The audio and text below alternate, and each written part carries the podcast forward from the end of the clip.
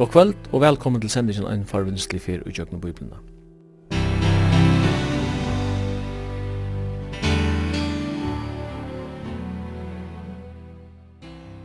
Henda sending er at høyre lindene, hvert mykje kvart klokka 19 og endersendt vi er fyrir 17 mars klokka 15.30. Og i studion er Simon Absalonsen og Jekman Zakariasen, teknikar er Taurur Poulsen. Og henda sending, hun kjemur kvöld til seg om Søtna Korintbrev. Søtna Korintbrev er helst skriva stått etter 4 Korintbrev. Brevet er halt ørvis oppbygd av tog at det her en et halt anna endamal. Brevet tidsis først og fremst av er et verjurid møtvis taimon og vi setter spørsmålstegn vi den apostoliska myndeløykan til apostelen Paulus. Av tog sama er brevet og støvun rattelig kjenslebåret og det er tog torført at lesa at kipa minster bostur ur braunen, ans og vi kan gjera fra til dømes fyrra korintbrev etla rombraunen. Der kristne samkomnar hadde sina fudjendar som herjavu innanifra. Hetta var ofta den sløste vanten. Falskir, maktsjukir, sånevnder apostlar, og yngste er vera herrar i fylgjennom. Paulus vende rengen ut og i 17. korintbrev. Han hevur tant gode og samkomne við røynun motivum. Vi sutja partar av lufsøv Paulusar endurgiv i hesum braun. Han nøyist er rosa seg sjálvun i braun hevast her bujur hon i møte, men dorskabren og korint hevur tvinga han til det. Og i tænaste søyni hevur han bore deia Kristusar av likam søyni. Hette er tænaste helle andans, som virkar i løyreløtum, som er en mynd av veiko menneskelige likamnen og naturen. Paulus anminner om å være høyligast av sanner som en nødgjør skapninger i Kristus. Tøvnen er i støvun sera kvasser og i øren Korintbrau. men at talan er om feiligar anminningar som er djuvnare kærløykan, Det er sutja vid best ut av min søgnast i ørenden i braunen, som er så levande. Og søgjane brøver gleist, vi er fullkomner, Læta tikkun aminna, semjist, halde fri, og så skal god kærløkans og friarens vera vitt tikkun. Halsa hver øren vi heilavun kossu, öll hinn i heilavu læta halsa tikkun. Nai herrans Jesu Krist, kærløkje gods og samfella heilag andans vera vitt tikkun öllum. Og jeg kan høre halvt en annan tåne jeg vil hava i 4 Korintfrau. Ja, til, til ikke Iva Mal om det. Og grunden er nok eisen at han at høve er, er et annet høve enn det fyrre brevet. Kanskje kunne jeg drive jeg kjøtt iverlitt iver hvordan samkommet i Korint byrja jeg og her til ta i Paulus så skriver Anna Korintbrev. Vi leser om at Paulus ferreis alle veien til Korint og er det missionsførsynet, og her grunda jeg så samkomna i Korint. Og vi leser om det i Apostelsvinni Adjan, vers 1-16. Og han stekka så her enn tøy, han opplærte samkomna og gav ham, eh, kan man godt si, grundar støy for å kunne fære vujere sjolv, og en han så fære sjolv vujere til Efesus, hver han så vær eisne og gjerne tøy. Og vi leser om det fra Apostelsvinni Adjan, vers 18 og 19 ta og han vær og i Efesus skriver han et brev til samkomna i Korint. Og det vidar vi fra 4 Korintbrev 5, vers 9-13. Og det er så et brev som ikke er tilånger. Et brev som, som er blivet borster. Men Paulus er i Efesus og tæner her, så høyrer han tøyendene fra, og han kallar det teimen Kloe, og det er Det leser vi om i 4 Korinthra kapittel 1 og eisne i, i kapittel 6 vers 1. Og her færa ringtøyende fra sankumne i Korint at at det er imiske trobleikar som er i kroppen inni samkomna, og avvirskanene av bynun, det som byren eikjendis det av, hever nu eisne eh, tidja skap i samkomna. Samtidig så fer han eisne et brev fra Korintmannen som hever imiska spurningar, lærerne og eisne praktiska kristna løyvene vi vysjande. Og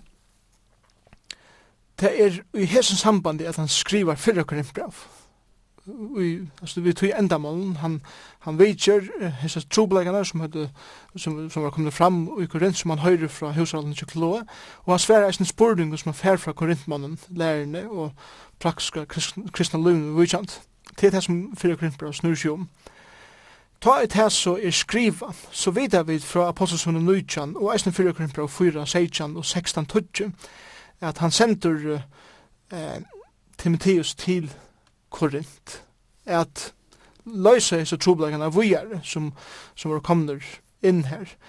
Men han fer, han fer uh, faktisk verre bo atur, og ta vese om tei boin i Øren Korinthbrev 12, vers 12, vers, kapitel 11, vers 23, og eisne kapitel 12, vers 6 og 6.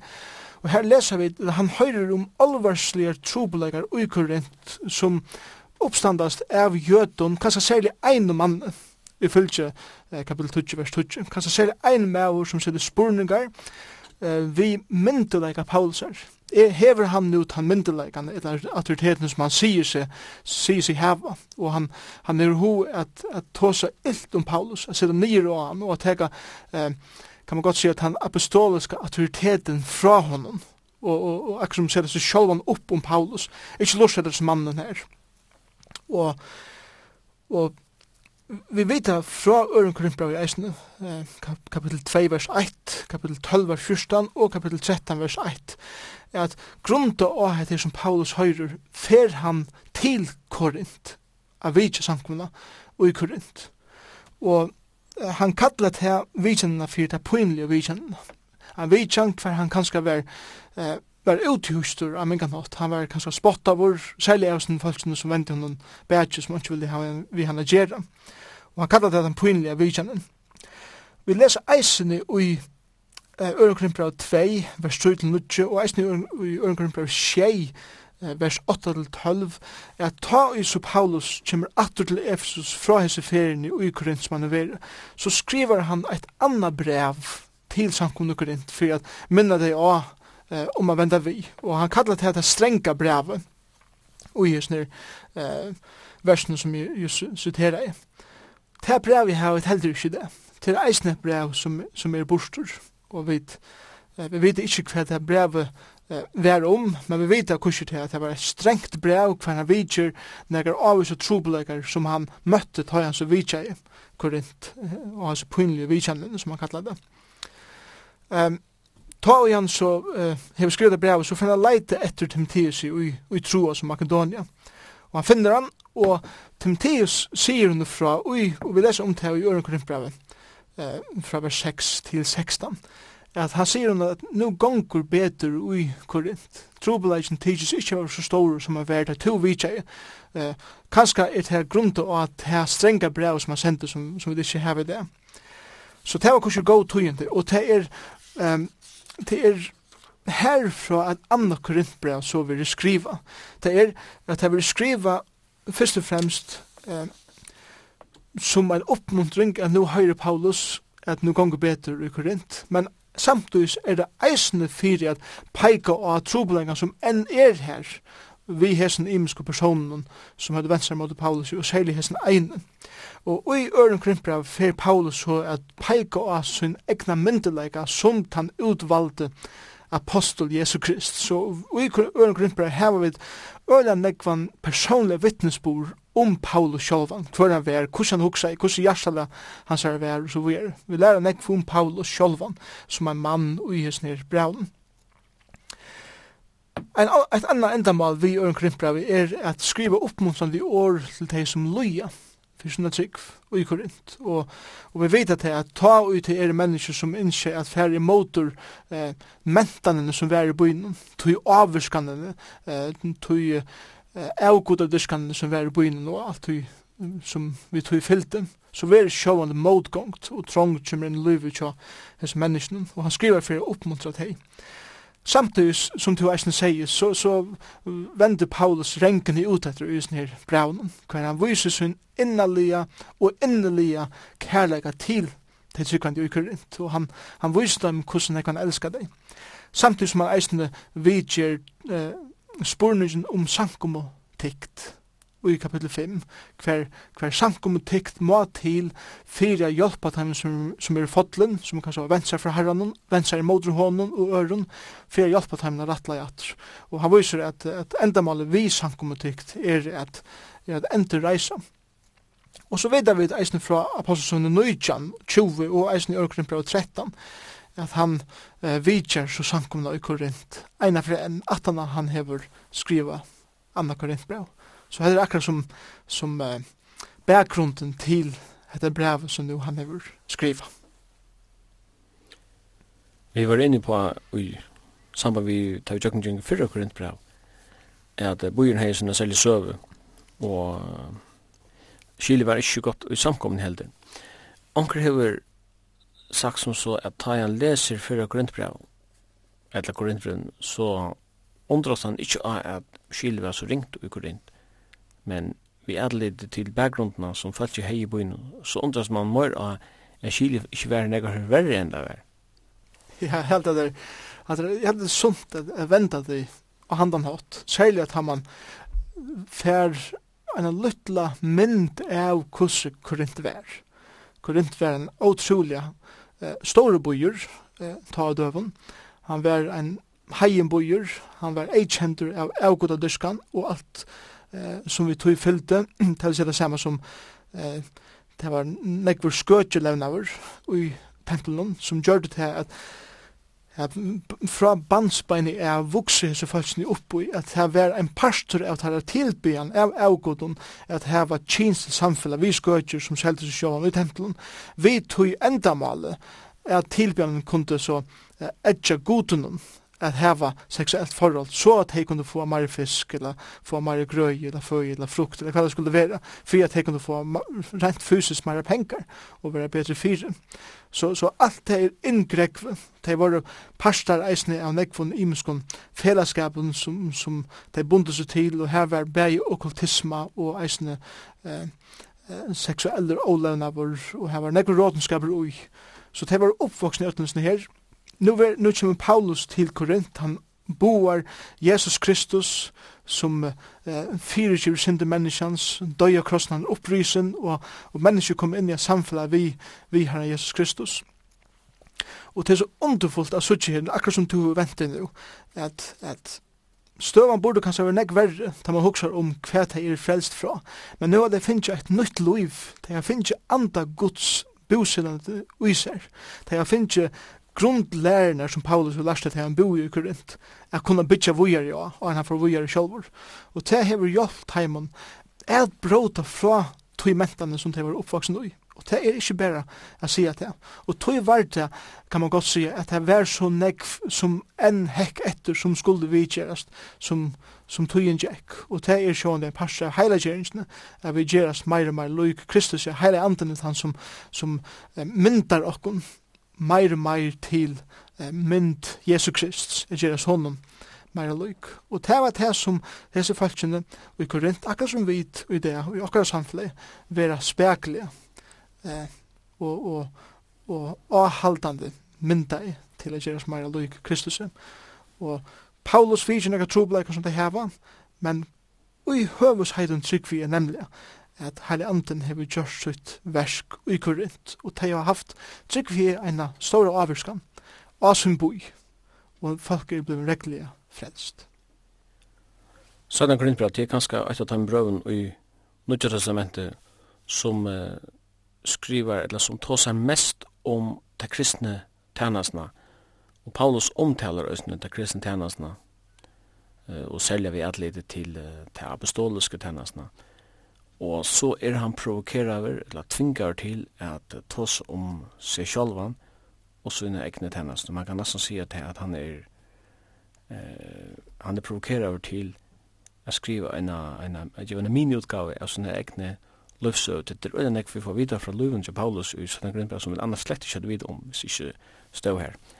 Da han omtaler sina egne tennast, eh, så eller och hela till kristna tjänsten så kallar han henne för tjänsten andans samarbeta vi det som hände i det gamla testamentet att det var tjänsten fördömingarna som till tøyer kom fram och i dörd och det gamla pakten och så säger han heter en nekv nekv rygar tjänsten så visste han då i hvordan mange mer skulle tjänsten andan ikke komma fram och i dörd det också som det som ständer i tredje kapitlet.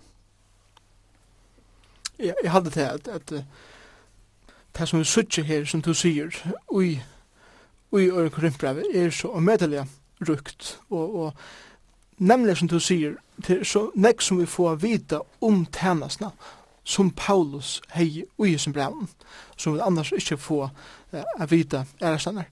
Og hans her, hesa tænasna, som han nu stendur ui, han er kallar til å være apostelheitningarna, han er kallar til at bo evangeliet fyrir tæmen som ongar det var hårst båskapen fyrir og, og nemlig det som han sier her, og han ser man samanbyrda vi um, gamla testament.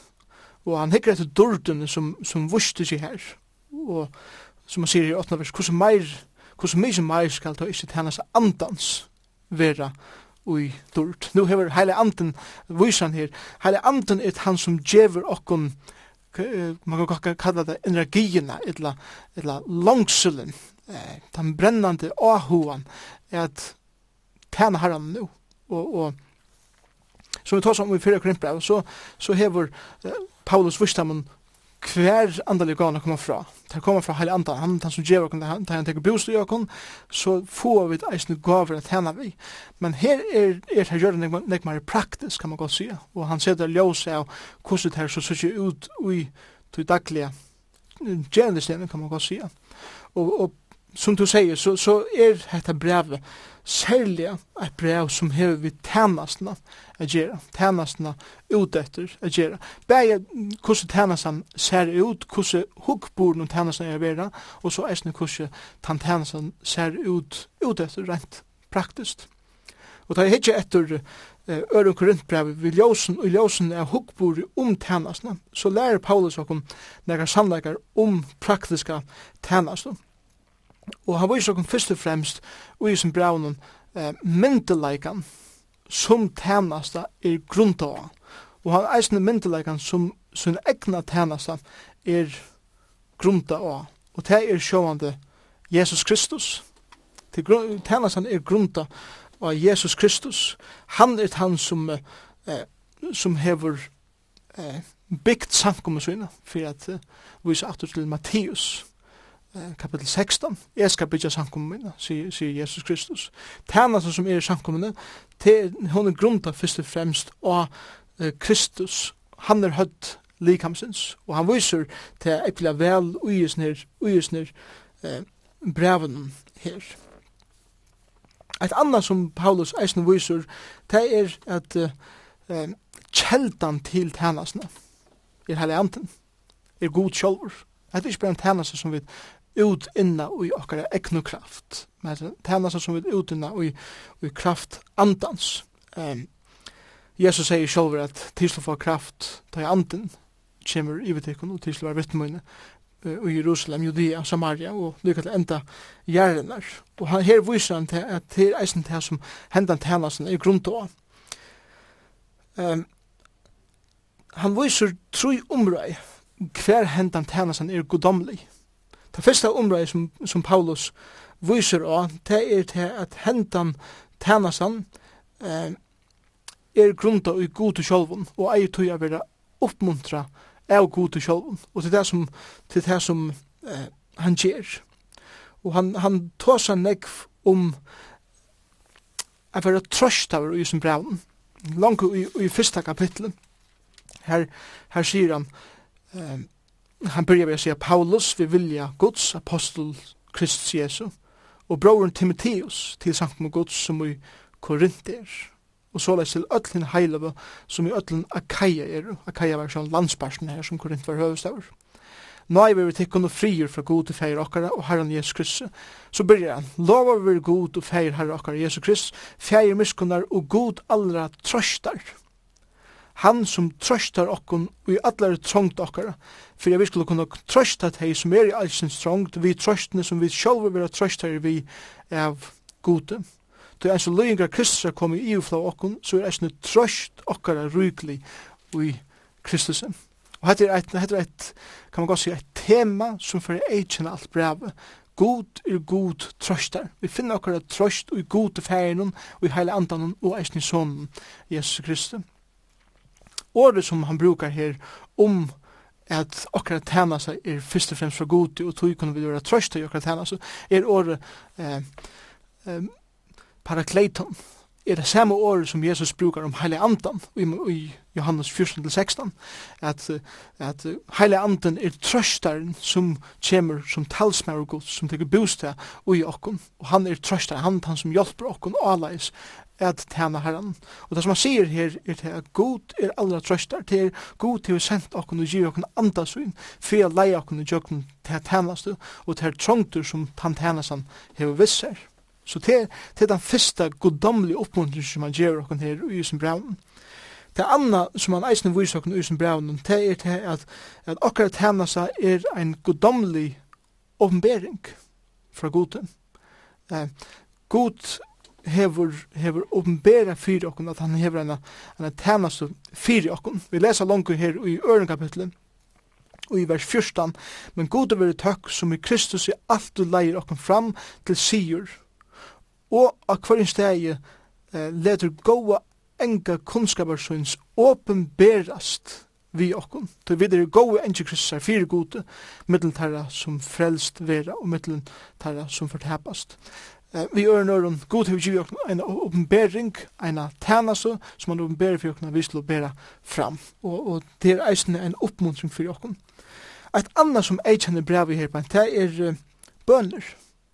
Uh, bøn er en annen oppmuntring til tænasene, tog at akkurat tænasene må være uh, flatte inn i bøn. Og Paulus sier i fyrra, uh, i første kapitlet her, i Ørnkrimbrev, i vers 11, vi til at tid eh, vi, vi, vi koma okkun, vi er koma okkun til hjelpar, vi forbøn tikkar. Akkur man han viser her beint, at vi er så umedelig takksamme fyrir at tid er i forbøn fyrir okkar at hennes. Og tikkar at hennes er tann at tid eisne er bønar folk. Og til eisne som Jakob lærer, tuttnisen er bøn og i tænastene, rent praktisk, at kunne hava i samfunnet vi god, hjelper okkon og i tænastene fyrir Herre Jesus. Og det et det som, kan man godt sige, som Paulus sætter som motsetning til dårdene gamle smett, altså nudge dård som åpenberast og i okkara tænaste vi kraft heilig andans. Og det er okkara oppmuntring og i Herren Jesus Kristus.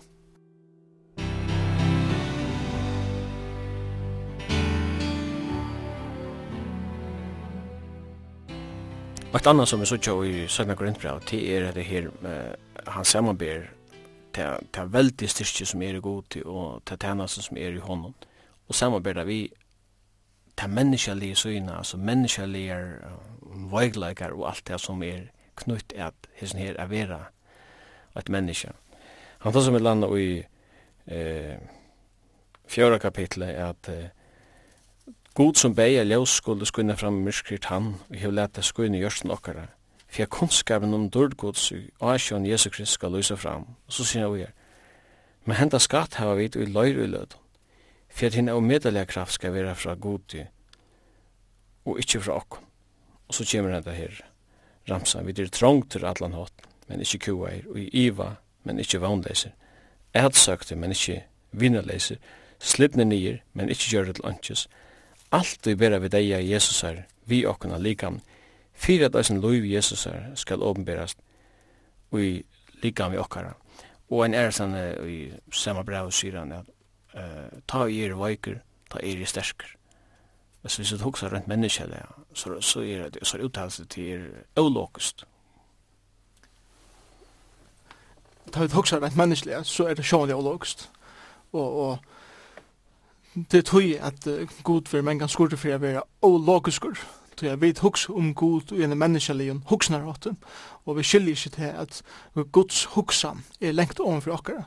Guds veier er så og å medra lengt ovenfor okkara veier og okkara huksnar åtte. Og, og tøy er jeg bensje for at tøy vi si at, at skriften er ologisk, god er ologisk, så kommer vi til til konklusjonen, eller til nysjonen, vi, vi tøy kriterium at god skal lea seg etter okkom. Men om vi lærer at hugsa meira godomlet, om vi lærer at hugsa meira bibelst, så fer det her som han sier her, men slett ikke være så ologist allukava. Og jeg trykker at, at det er det arbeid som, som er mest tiltrångt tja okkur som tryggvann i falkene det, det til det at vi byrja at hugsa som god hugsar, at vi byrja at hugsa som biblian lærer, og ikkje berre etter okkara egna menneskelige hugsnarhått. Og tog er det Paulus, Paulus er kommet så omedelig lengt i synen um, antallige løyve, kan man godt sige. Han, han skiler til at det som i menneskans egen tidser være fullkomlig og logisk til tidser være fullkomlig motsøkende i sin her er, er så omedelig eh, lokus av lykka. Og da han sier nemlig at her at, at vi vi har finnst nega a vysa fram, vi har finnst nega a skuina. God eh, hever lagt nega ui leir ui lød. Her, her sier han sjål til sitt egna likam. A god hever til sitt bostad ui likam, ui, ui materialet fyri at omedelig kraft skal vera fra god til ikkje fra okkom, vi ørnåren, Min oppgave er ikkje endelig at bare hugsa om hva jeg vil, hva jeg kan, hvordan mitt liv skal være, men mitt, mitt liv er, min hugsan er, hvordan kan jeg først og fremst skuina Kristus og dård Guds i min liv, luga mykje hvordan mitt liv så fer at så ut, og så les, sedan så seg sjåan lokt, og han er som Johannes Støyberg, ma er minka og ma han veksa, det han sier til Jesus. Og han sier at man videre langt trångter og atlan hatt, men ikkje kuair, og iva, men ikkje vonleiser, ætsøkter, men ikkje vinarleiser, slittner nye, men ikkje gjør til lunches, og så gjør. Altid, alltid bera vi deia Jesus her, vi okkon i likamen, for det er sånn liv Jesus skal åpenberes, og i likam i okkara. Og det er akkur som at Paulus viser her eh, rent praktiskt hva det kostar er vera en sannur tænare, Jesu Kristus. Vi har tås om hukkboren om tænasna, vi har også om, om kjeltene til tænasna som er god sjolver, men nå, for han eisning som brevna tås om eh, røntene som kommer vi hese goddomlige tænasna, og der er jo i menneskens egen, vi er menneskens hukkbore, og logiskar og, og kunne kanskje virka tapeligere i menneskelig hugsa. Men jeg hugsa ofte med Lasangen, eh, som vi synes synger føreskan, tog at her som vender nyer, vender opp. og jeg tykker at, kanskje er det ikke den djupaste eh, teksten som vi har, men jeg tykker at om vi teker den teksten og setter han i ljósen av, av bibelskar oppenbering, så er det nemlig det som for okkon menkan vender høtten er pura rett. Og det er det som vender rett fra den godomlige sjånami. Og ta i Paulus talar om sina rønter i tænasen her i Øren Korinthbrev, så sier han at eit av tøy som alltid fer at eikjenna tænasen fyrir gode, lyga mykje hver du erst, lyga mykje hver du erst, lyga mykje nær du liver, så færa rønter av er en pastor av tænasen og i navnet Jesu det er en pastor, og han, han gjør disse ramsene her, han gjør en enda langere ramse i enda kapittel, alt det som han er ferden og i jøkken, han er, han er slien, han er huflongtur, han er steinavur, han er li kipsbrot og, og så mengt anna som han er, er ferden i jøkken, Ui syne tæna så at utspreia evangeliet om Herren Jesus Kristus. Så det er kostnar mykje, ja, det er kostnar mykje at fylgja herranen etter. Eit anna som er avverst, da det kommer til Paulus har hugsnarhått, er nemlig i 12. kapitlet som du siterer i eisene, at ta i er veikur, ta er i sterskur. Og det er avverst at, at hitje etter. Paulus sier her bant at uh, vi kan lesa fra fyrsta vers, er man rosa, er man rosa mer, to, to at det er ikkje til beta, men nu kommer jeg til til, nu kom jeg til sjåner og oppenberingar fra herran. Det som jeg får se nu er til at jeg finnes nekker særligere oppenberingar og sjåner fra herran, som nu får jeg loda vid ikon. Jeg var et mann i Kristus, og han sier til seg sjálvan om å være likamnen, eller eller ikke, veit ikke, eller man vet han for likamen, det veit heller ikke, god veit det, som for 14 år søgjene, var riktig bostur lykke inn i tria himmel. Så her loder han at, at jeg veit ikke om jeg var likamen, eller om jeg var førtur i ena, i ena, i ena, i et opplevelse utenfor likam, jeg vet ikke, god veit det, men jeg veit at jeg var rykter inn i tri himmelen. Da vi si tre himmelen, det han sier tre himmelen, så må vi huksa, og i greskon huksner av tjena fyrir sett. Fyrst i himmelen, det var okkar egna atmosfæra, og i greskare filosofi. Eh, annar himmelen var rymden, stjøttenar, manen og planetenar. Tre himmelen var her som god var sjálfur og i, i greskare filosofi. Og Paulus sier her at jeg var tidsen inn her som god er sjálfur, utom okkar atmosfære, utom okkar rymt inn i himmelen. Og jeg veit at hese mever, om jeg var likamon, eller utanfor likamon, veit ikke god veit det, sin egen forsiat. Han var rykt og borser inn i paradis, så her gjør han navn til eh, tre himmelen. Så han definerer det her.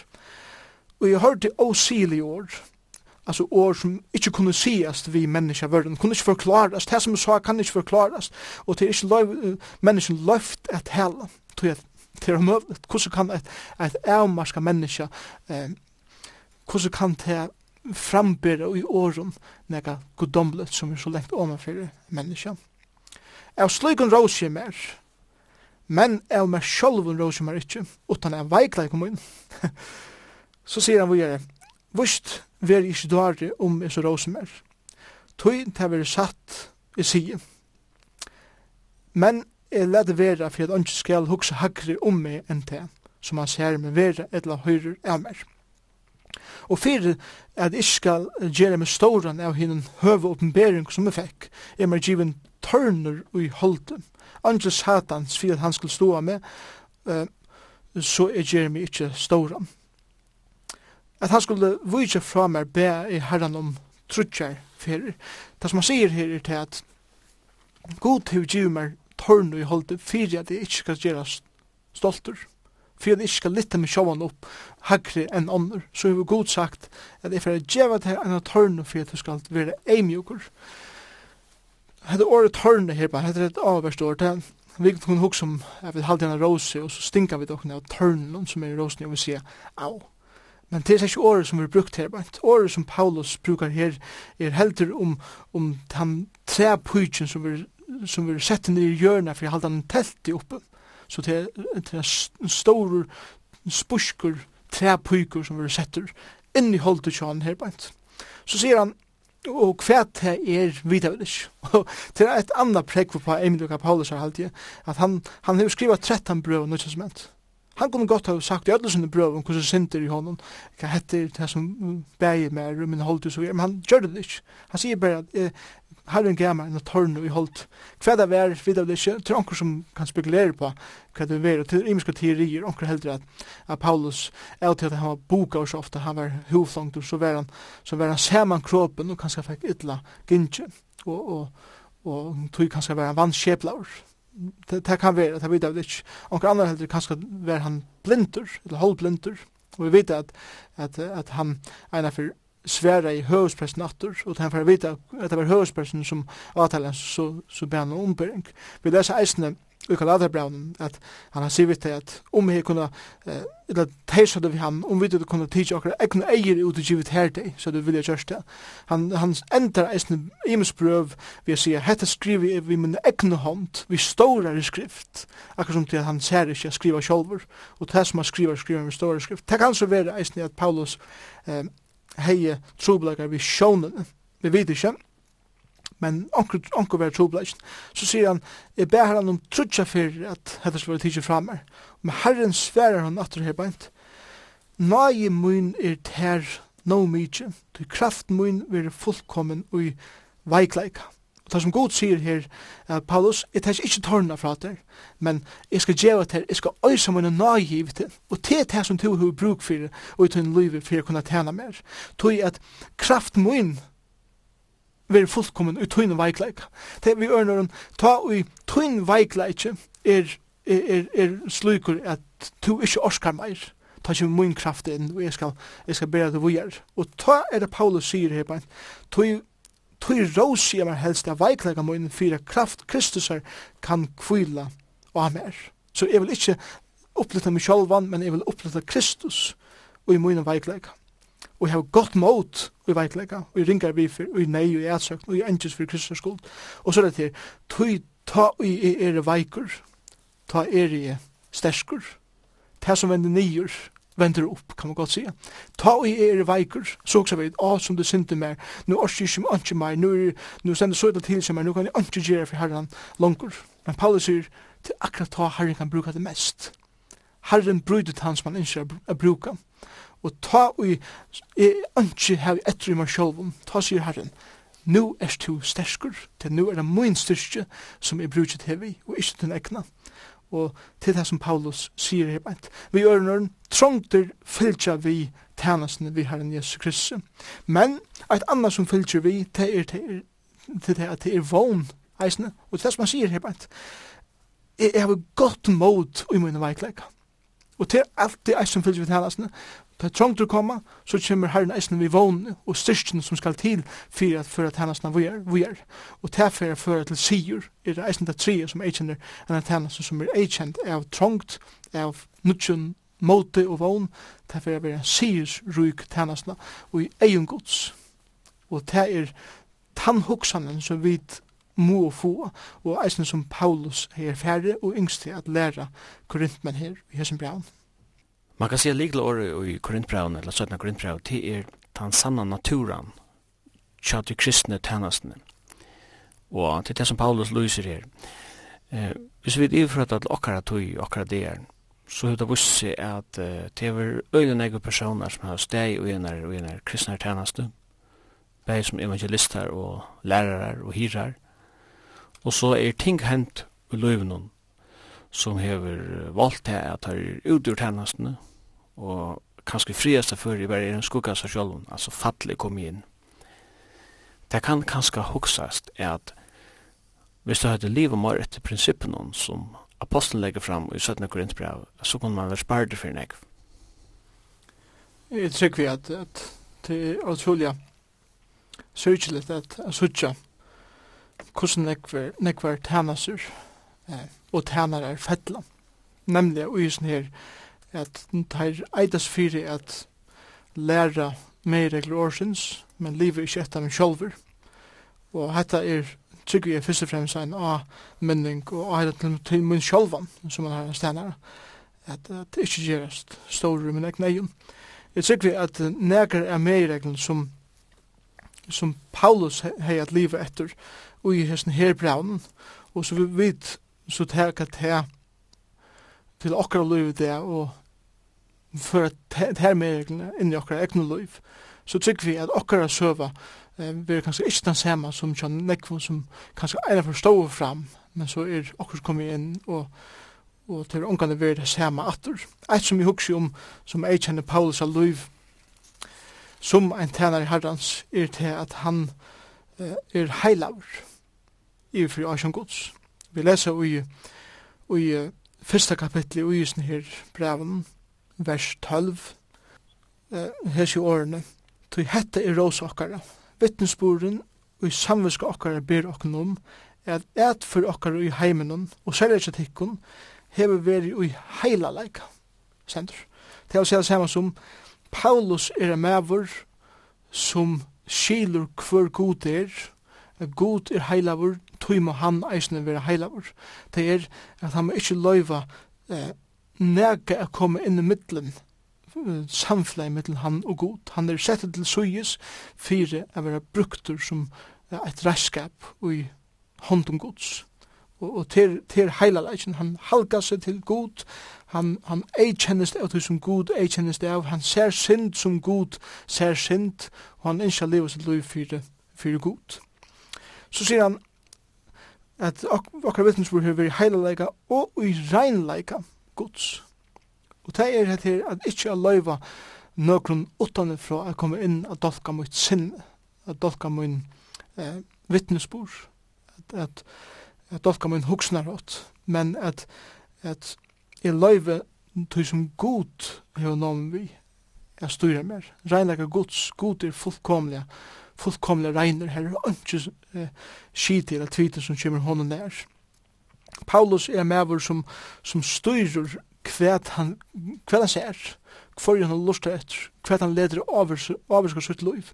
Mens han skriver til folk som byggva i Korint, og en hettene boie, og en multi-etnisk boie, hver nekvar imiskar frestingar er, og han sier at omtikra tikkar liv skal eikjennast, eh, av god til sjálfum, om tekkar skal være en tænast som, som er en tænast som eh, hever framgångt og som vil sikna god som må tekra loiv eitjana som reinleika.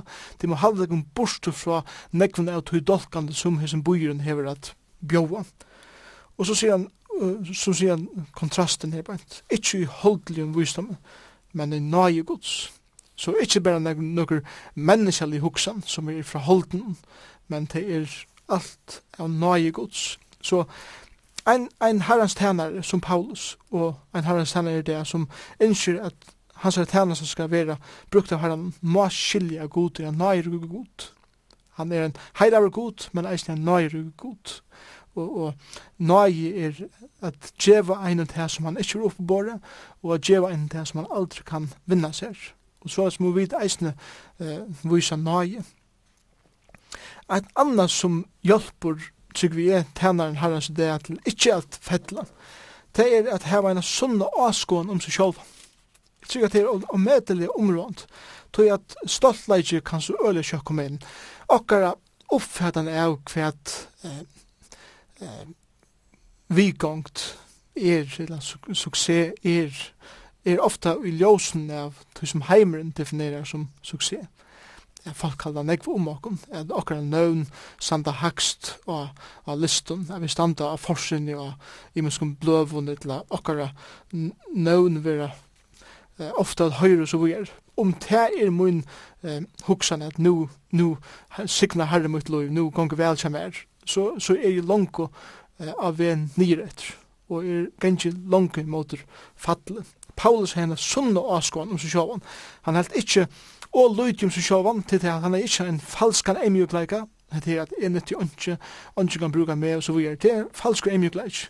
Han, han er ærlig som braun, han sier, hette vi oppliva, hette vi gjørst, så la brukar herre med, er rås mer ikke sjovan av men ikke vi herran at lortna. Så han er, han er også ikke forlagt om sjovan, men han også heller ikke og høgt om sjovan det er at han er hoa teka alle ærna sjolvor. Men han sier her i fjorda kapittel som vi låser Johan, Men henda skatt hava vit i leirøyleten, altså vit tar finnst han, fyrir at omedelig kraft skal vera fra gode og ikkje fra okkom. Så ein som innskjer tjena herran og, og halda av at tjena herran er ein som djever gode til durt og han er oppebor utan at teka nega durt sjolvor. Et anna som eikjende versk og tjena som Paulus er ver til at hans er tjena som er eikjende av kærleik. Og vi lesa i, i satta kapitlet at han sier vi det var angan hatt vi til avstøyt for at tjenesten skal ikke være lasta. Så sier han uh, så vi er det satta vers vi regnleika, vi, vi kunnskap, vi lengtmål, vi mildleika, vi herre andanon og vi kærleika som ikke best er eite kærleika som ikkje ber streit til er at det ikkje ber nekka som er utvarsen som, som ser ut til at, at jeg har en kærleika tikka men innast inni lekki ikkje ut men Paulus sier at ein tænare som elskar god og avtøy han har en elskande god byggvandi ui seg elskar han eisen mennesker Og til en sanne kærleik, en tredeleis kærleik som ikkje best er eit, at året eit er et avverst år, året er faktisk vaks og, og han teker det fra eh, de skulpturen som ofta var, var høgter ut ur steinene i en greskare mentan og tar stå rundt alle sånne. Så kunne det hende at, at en skulptur kanskje brottna i, kanskje nøsen brottna i av skulpturen. Og så pinta det ofte på seg skulpturene vi har køre vaks og atter. Hvis nøsen brottna i, så kårer det ikke verligt eh, materiale som, som helt, men det kårer bare et som er et vaks en sånn blekt material. Da så solen kom fram, så smelte jeg det borster, og, og det er hongan tøytning av lukka. Og til det som Paulus, mynder som Paulus brukar her bænt, det er ikke kærleik som bare ser ut til at sutja godt ut utanfra, og så til han vel er røndur av solen, så er han ikke her lukka, så døy han bare borster. Men så er en kærleik som er verlig, som er gjørtur av til verlig materialen, og til er sånn at grunda og i kærleika gods, som er ein fyrst til vi finnje og så gjerne gjør vi til ånder. Så hette er nekar meiregler som er sikva, eh, vi som sikvande i det kunne fylltja såleis at okkar tænasta kan avhaldande lykka til okkara liv i livet, som Paulus eisen sier, er at jeg har runde skreier enda, er vår standande i utrunne, og nu bojar, nu bojar lønne mer, som jeg skal få da jeg kommer heim. Og, og her er nekar meiregler fylltja etter, tja okkom som ønsker at han herren i det.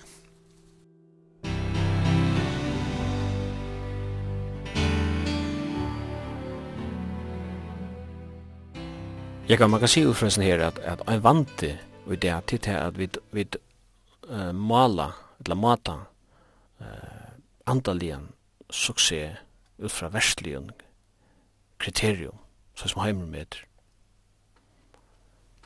Jeg halte at, at det er en stor trobleisje, tja, tja okkon ui det.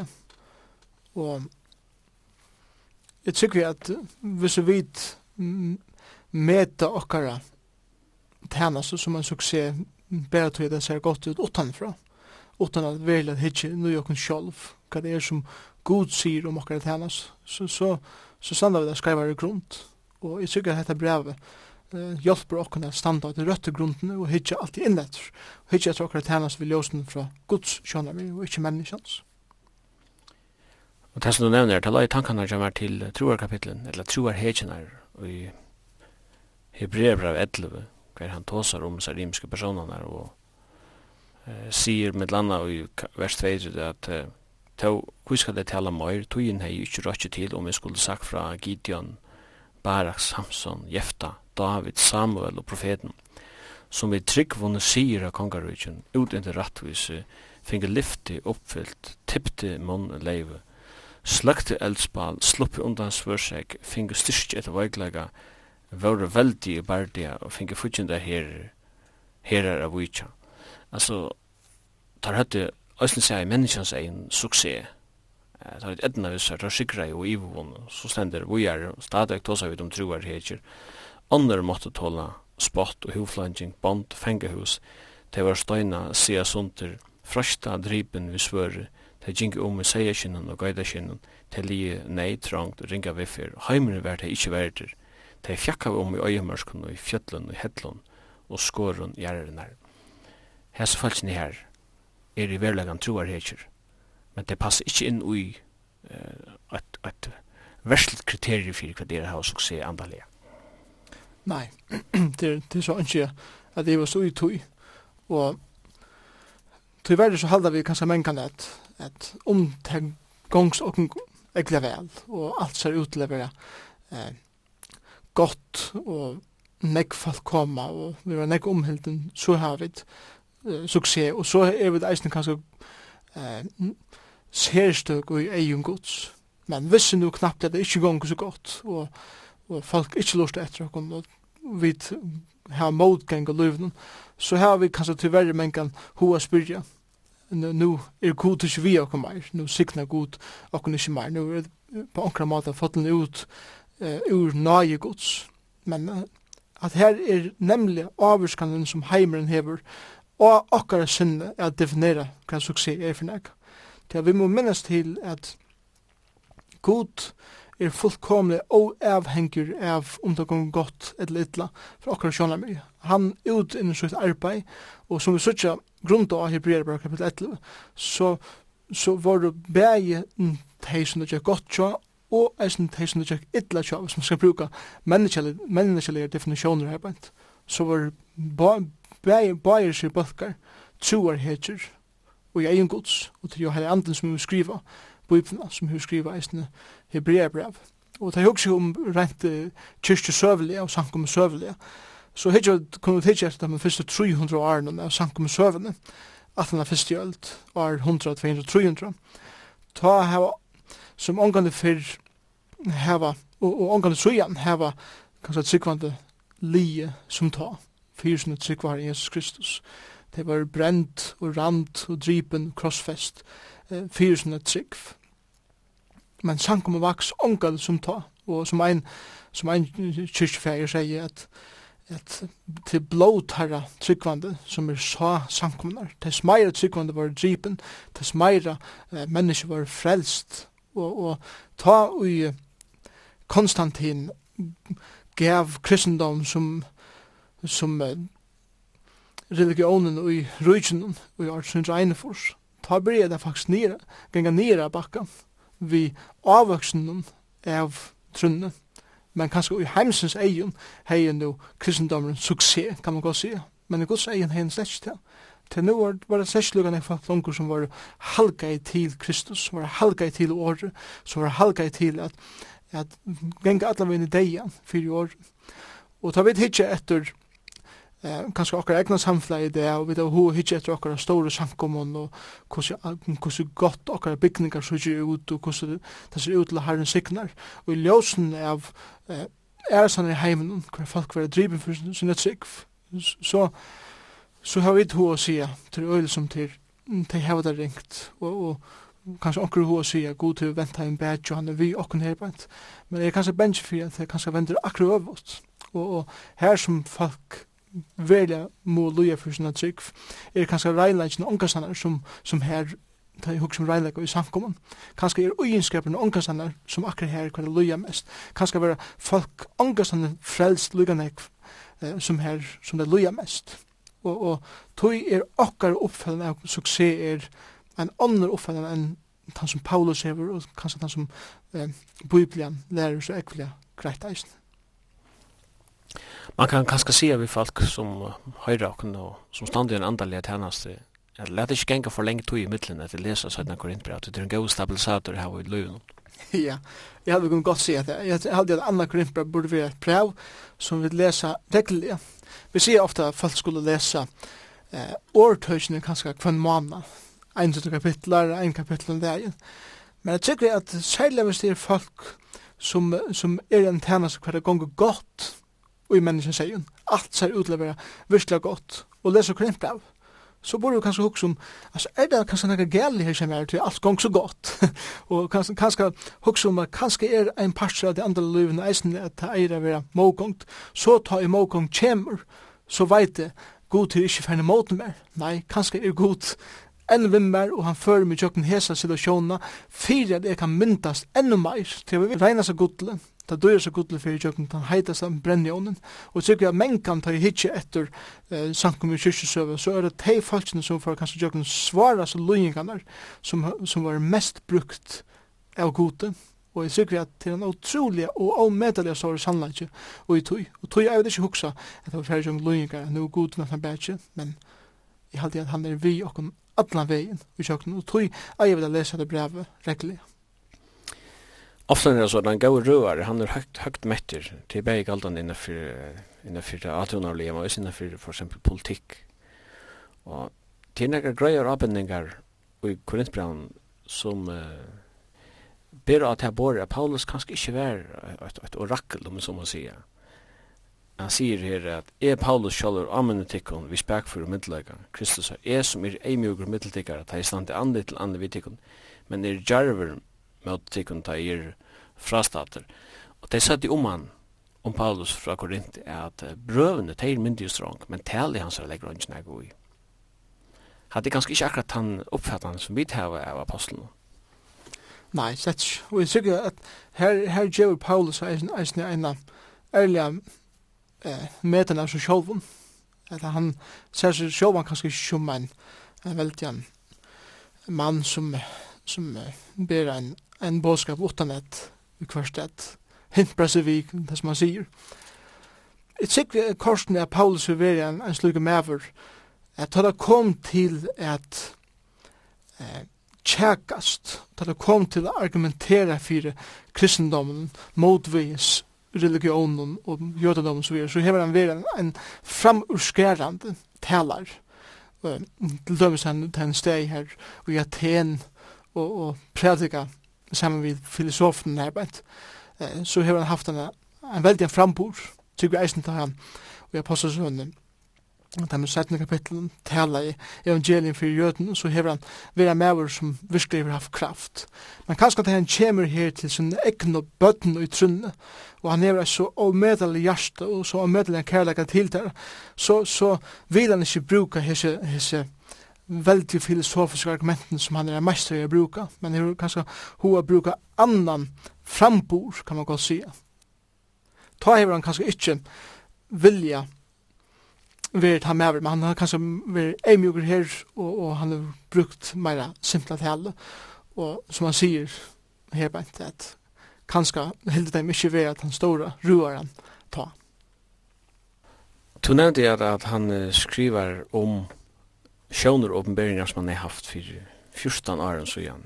og på en eller annen måte så skriver han bare om det til at han er provokerar til det, for å verja sin apostoliske myndeløyke. Og han sier at det er ikke lager gagnet han fra det som er det.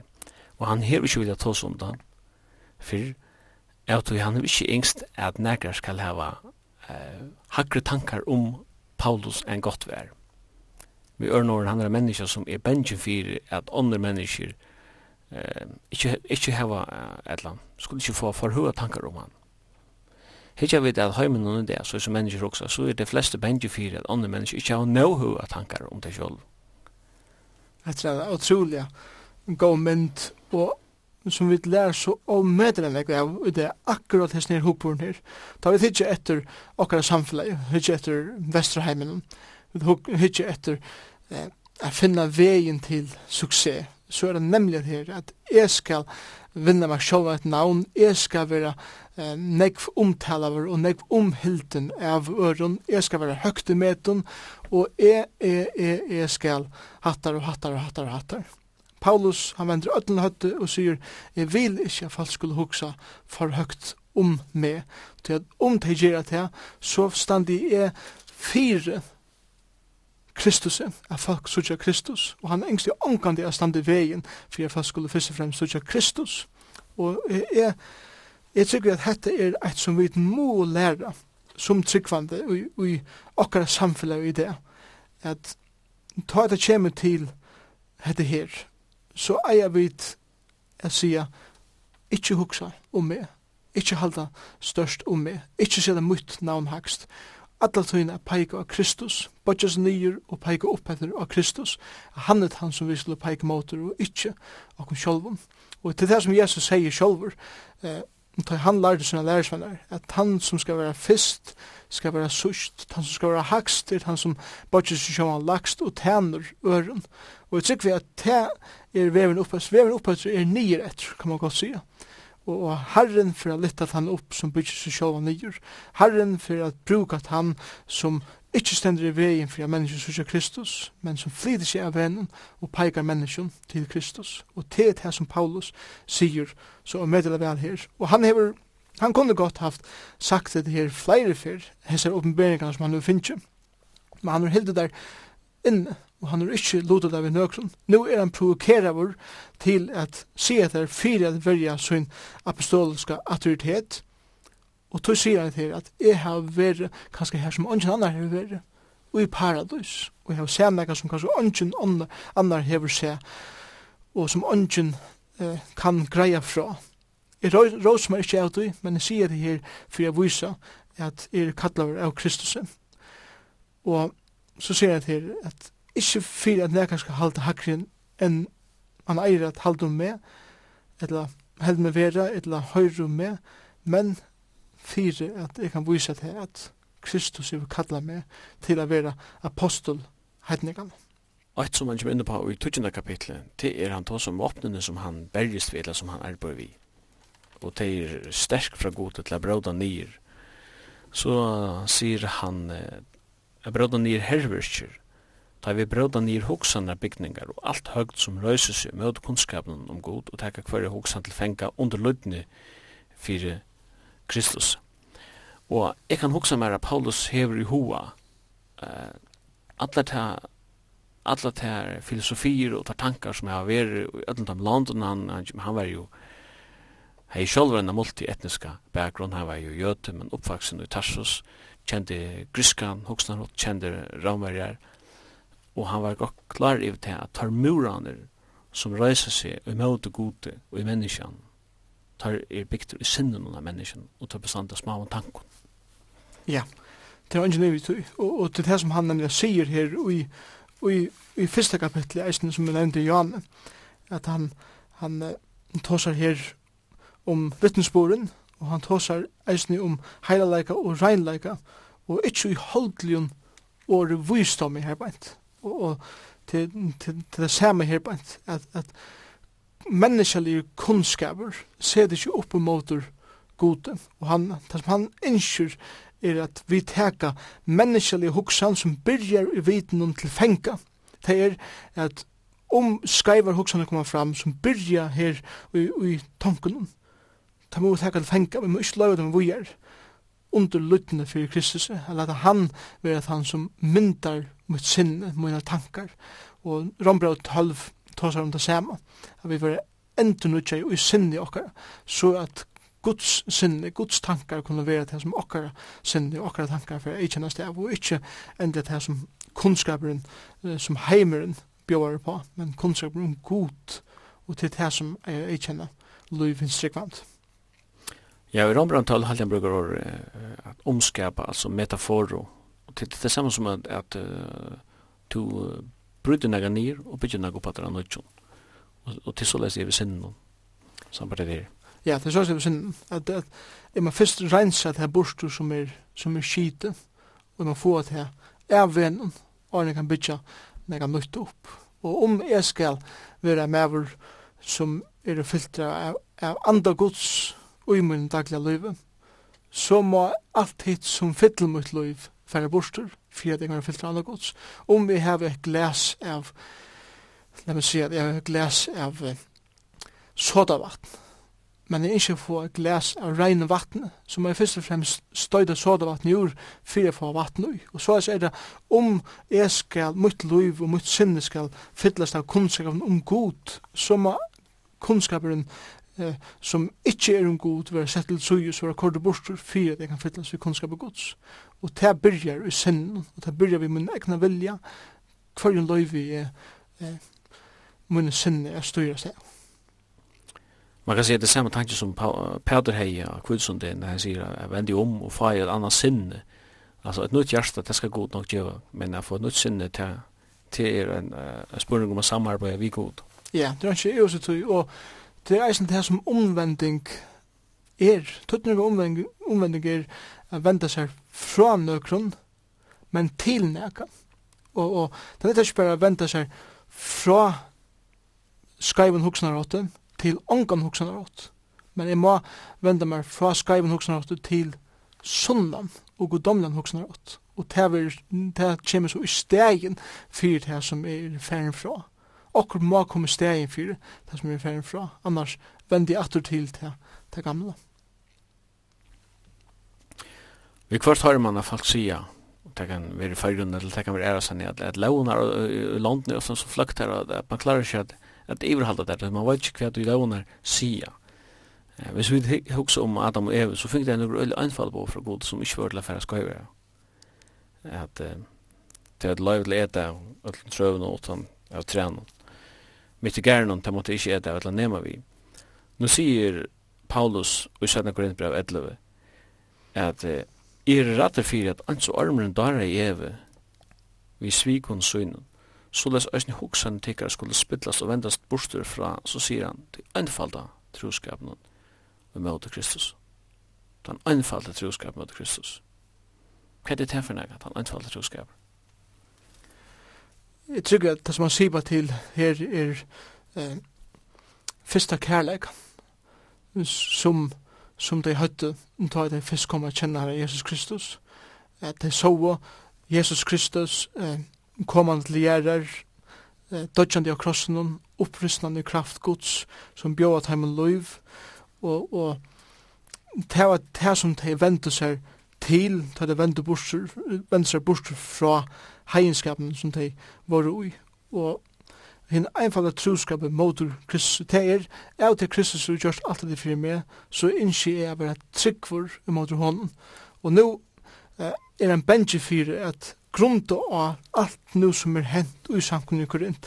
Hesser, eh, her er folk kommet inn som hever ho at at særa split ui, de særa spurnar til vi eh, myndelega Paulus er, han sier fjore ørende her i øtlen kapitlet, kommer onker og predikar annan Jesus, som vi ikke har predikar, og så vi er kanskje byrja uh, falska lærere eisne at, at eikjena samkomna. Det som han sier her til at er bengi fyrir tid færa fra tekkara fyrsta kærlega, fra tekkara fyrst og einfaldet trygg, hver tid gå tekkara lov til Jesus, og, og hava ho uttekkara sinne at gira så fløkt, at tid venda tekkara bostur fra herra Jesus. Og i sista kapitlet her sier han, fyrsta verset, helt i nutria ferien jeg kom til tikkara. Og det gjør okna en grei avbendig om til at han hever veri turar ur Korint som ikkje er omtalar i apostlesøv. Ja, vi, vi tar så om til og Johan at han han han veri, han grundar sjående sankum i Korint. Han han skriver brev til henne, han vidjar henne ene fyrir træt, og han skriva så Anna Korintbrev, og vi vet, vi vet eisen at, at nu er han så atter her og vidtjør, og hette nu tre affæren er kommet til dikkara. Eh, vi tog som tverda trudjevittna, skal kvar søk standa fast. Hette sier han vi ørn ørn, jeg har vært fær for sjadekon, nu får jeg koma atter enn jeg fra sett, tre affæren.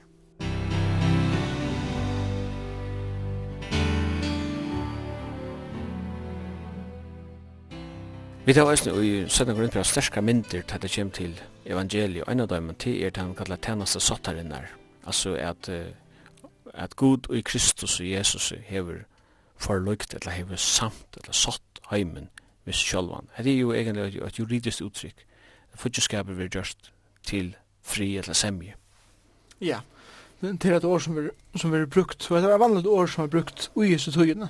Og myndet som han brukar her er til at her er det en som er akkard, han sender skuld til nekker. Han, han, han er akkard.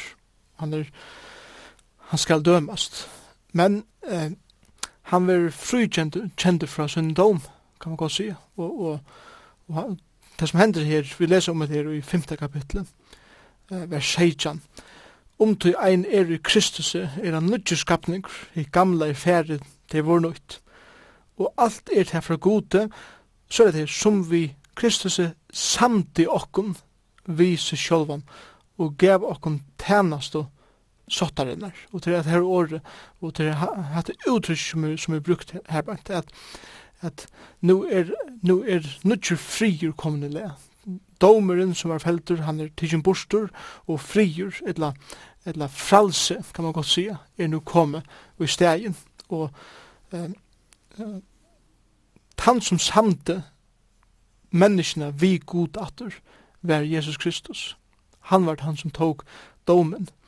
Og vi leser at alt er det fra gode som vi Kristus samte okkon, vi ser sjolvan, men Ikke bare til, han gav okkon eisne atræt, og det var til at han gav okkon tænast, som er grunda av at han, eh, altså han sotten, eller til semjina som nu er mittlen menneske god. Så ikke bare sier god, er utstryk nega venun, Kristus er golda, men jeg får gjøre det nega meira træt, jeg får gjøre det nøye, jeg kunne tæna mer, og du er med det mitt navn her jeg gjør. Så til han Det er en mynd av omedelig og obeskrivelig nøye gods til, til mennesken. At han, han gjør samt, men han gjør også eisen en tænelse som er grunda av semjene som er finnes le. Det er også kjøtt at jeg vil søtja detaljerna där man läser så som man här om tennas sånt. Det ständer det ständer ösen kvann ve och sottageren eller för Luigi Venter. Det ständer att god samt i okkon vi ser Det stender ikke at han samtidig ser vi menneskene. Til verleggen har han ångan det være fudgjende menneskene. Fudgjenskapen han var øynveis. Og tog måtte satt ikke øyne være. Men det samme vi. Ja, jeg tror det er underfullt detaljer. Som nemlig som du sier, til så omedelig kjøtt. Jeg vil, jeg vil lese det her, og vi færre bare vujer, og vi hukser ikke veldig om det som stender. Og tog, tog halde jeg til området jeg sier at ta ut lese skriftene. Lad også eh, lære at lesa verlig. Og, og jeg tykker at mange av dem kanskje du ikke lesa. Vi lesa og vi suttir ikke lukka det som vi lesa. Og det er at du at observera hvert år som vi suttir. Og akkurat det som du sier at god samte okkom vi ser sjálvan. Det er simpelthen god tok initiativet. God var omgang i okkar fyrtjent, vi var fyrtjent av gods som hei sin konsekvens. God skilte det at menneskjan eh, for ongan jeg vilja og kan heldre ongan du gjera sott vi med. Tøy for jeg at tega mitt initiativ at, at koma til menneskene og få eh, semju i le. Men det var ikkje eh, bare sia det. Det var utrolig kostnader mig. Og her måtte god sjolver dodja fyrir at gjera menneskje sott at vi god ta Jesus Kristus døye, så vart ta møvleggen åpnar til Gud sier at jeg skal gjøre det. Og til den sattagjeren som god ut det, og Jesus og Kristus, og i blå i hans her, og i kross i hans her, bjøver alle mennesken, og i alle føringer som høyre okkom nere det. Hette verset er ikke bare tala til korintfolk. Hette her verset er tala til ein og kvann som lustar etter hese sending, lyga mykje hver du verst, så er hese årene eisen til tøyn, tøy Kristus samte god heimen vi seg sjolvan og tidrokna heimen ikkje synd herre. Vi og han hever lagt nyr i okkon år sottarinnar. Og agenda vers, og alt er til fra gode som vi Kristus samt i okkon vi seg og gav okkon tænast. Og hette er årene som, som er til okkon öll og i det. God hever sagt Kristus døy fri heimen til eisne fyrir kvann føring, lykka mykje kvør han er, lykka mykje kvør du er, lykka mykje hva du er gjørst, lykka mykje hvordan du sørst ut, lykka mykje hva hulig du hever, lykka mykje hva for arbeid du hever, god døye fyrir te, og han innskjer at trobeleikjen, som er det synd som er kommet mittlen til og god, skal utstrykast, ta i to, djevet til lov til Jesus Kristus, Det han var han som tog initiativet. Han bjør at her og komme til syne det. Han er han som ikke ikke bare frelsa det, men han ikke at djevet her en sikning som er at tæna seg her og at bruka til liv gode til lort, inntil han dagen da du skal være standa honom andre til andet og han fyrir at løna einen kvarjon fyrir til tænastu som han har givet okkon at gjøre, og, og det er noe som tryggvande mennesker kunne glede seg til, er sannet fremme for gode, en det, da han skal løne okkom, fire, det som han, fire aller første, tok initiativet, så vi kunne gjøre stjenere gods.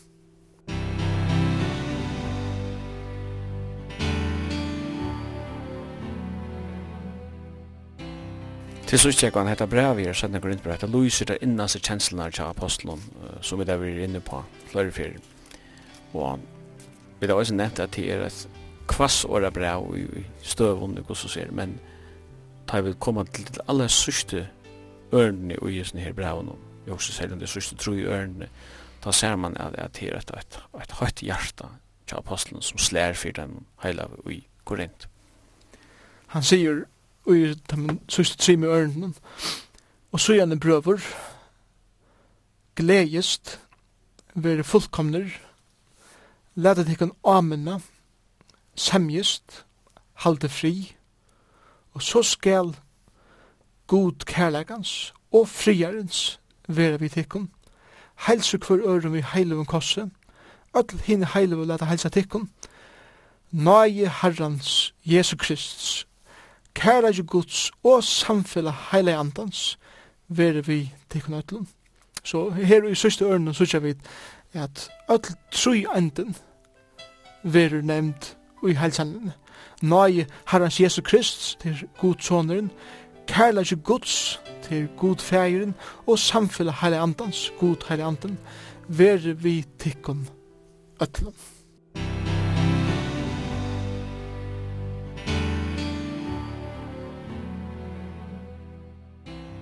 Og vi tog i apostoliske helsanne så fer vi reisne at takka for jokken i linden i kveld. Jeg skal til sørst sida fra at sendingen av en farvindeslig på biblina. Hun er at høyre lindene kvart mye kveld klokka 19 og endersendt vi er fruggjøret 17 klokka 15.30. Og i studion er Søymen Absalonsen, Jekman Zachariasen og teknikere er Taurer Paulsen. Vi takkar for jokken.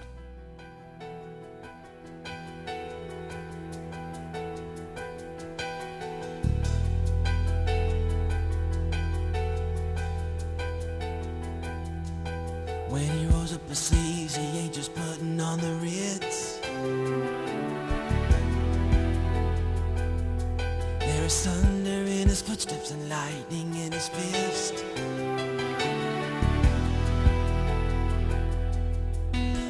it wasn't joking when he kicked him out of Eden. It wasn't for no reason that he shed his blood. His return is very close and so you better be believing That our God is an awesome God.